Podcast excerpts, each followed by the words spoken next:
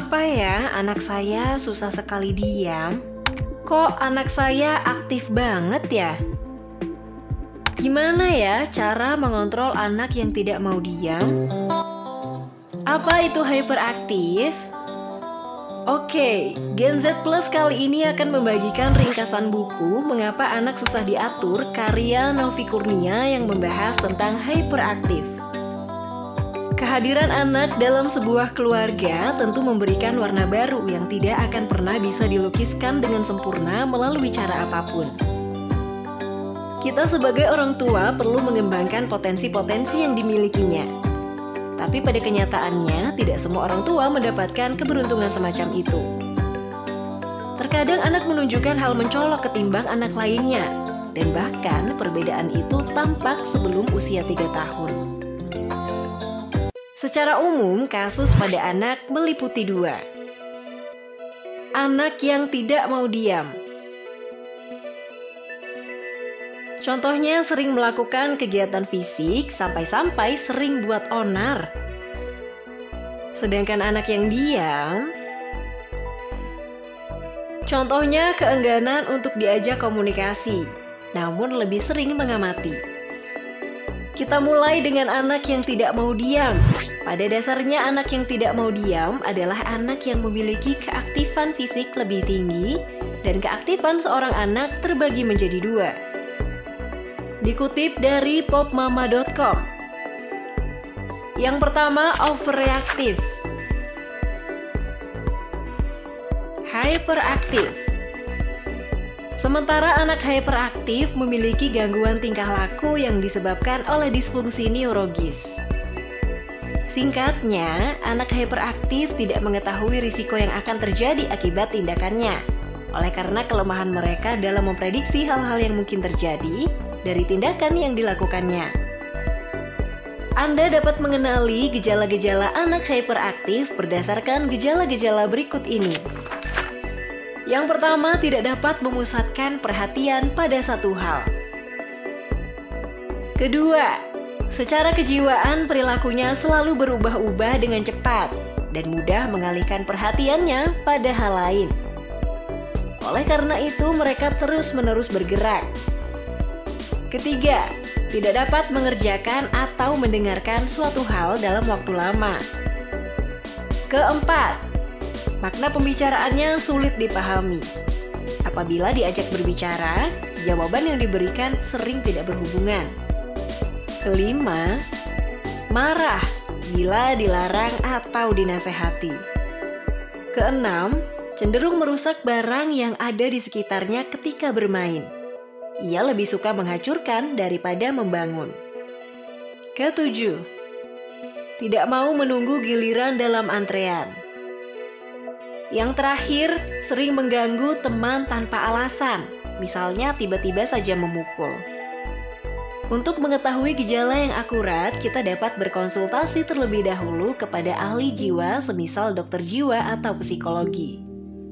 Apa sih penyebab hyperaktif?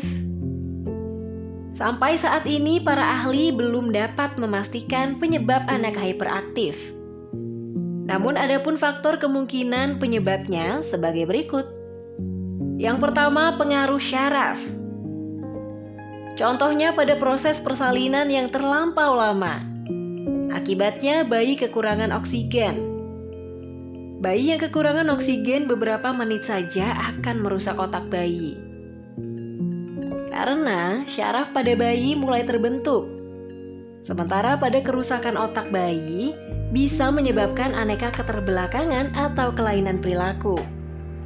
Kedua, kehamilan ibu yang bermasalah. Ibu yang mengalami preeclampsia. Preeclampsia merupakan keadaan meningkatnya tekanan darah, kaki membengkak, dan terbuangnya protein melalui air seni. Yang ketiga, keracunan.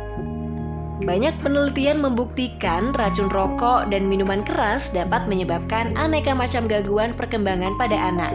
Salah satunya hyperaktif. Keempat, pengaruh genetis. Berdasarkan penelitian para ahli, sekitar 25 35% perilaku hyperaktif merupakan keturunan. Kelima, pengaruh jenis kelamin. Anak laki-laki memiliki peluang mengalami hyperaktif empat kali lebih besar dibandingkan anak perempuan. Yang terakhir adalah perkembangan yang lambat. Jika anak umur 7 tahun dan bertingkah laku seperti tiga tahun, orang tua perlu menyelidiki gangguan psikologis ini. Seharusnya, anak ketika sudah beranjak di umuran segitu, mereka cenderung memanfaatkan energi mereka untuk perkembangan bicara, bahasa, mengurus diri sendiri, dan bergaul bersama anak-anak lain, dan bukan digunakan untuk aktivitas yang tidak terarah. Lalu, apa yang perlu kita lakukan? Secara ilmiah, perilaku hyperaktif disebabkan adanya kelemahan pada otak atau syaraf. Apabila dicurigai anak kita mengalami perilaku hyperaktif, berikut langkah-langkah awalnya. Yang disarankan Ferdinand Zaviera tahun 2007.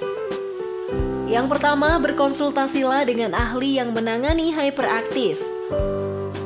Kedua, bersabar ketika mengetahui bahwa anak kita mengalami hyperaktif. Ketiga, berikan kekuatan, bekali kemampuan, dan bangkitkan perasaan anak agar ia merasa berharga bagi orang tua, keluarga, dan lingkungan sekitarnya. Yakni bahwa anak hyperaktif masih memiliki kelebihan. Keempat, bersiap menghadapi perasaan anak yang merasa gagal, rendah diri, frustasi, dan bahkan tertekan. Kelima, berusaha untuk mendapatkan informasi cukup tentang perilaku hyperaktif, baik dari perpustakaan atau sumber-sumber lainnya. Keenam, bicaralah atau bertukar pikiran dengan keluarga lain yang anaknya mengalami hyperaktivitas. Dan yang terakhir, berjumpa atau bergabung dengan perkumpulan keluarga yang memiliki anak hyperaktif. Adapun cara yang dilakukan para ahli meliputi 1. Terapi pengobatan fisik 2. Terapi pengubahan perilaku Dan ketiga, terapi pemahaman atau psikoterapi Anak hyperaktif bukanlah anak cacat ia hanya anak yang kondisi otak dan syarafnya berbeda dengan anak normal pada umumnya. Kita sebagai orang tua harus mendapatkan banyak informasi perihal perilaku anak sebanyak mungkin.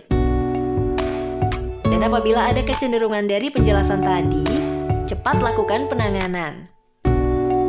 Well, sobat Gen Z ku semua, itulah pembahasan seputar hyperaktif yang dialami oleh anak-anak.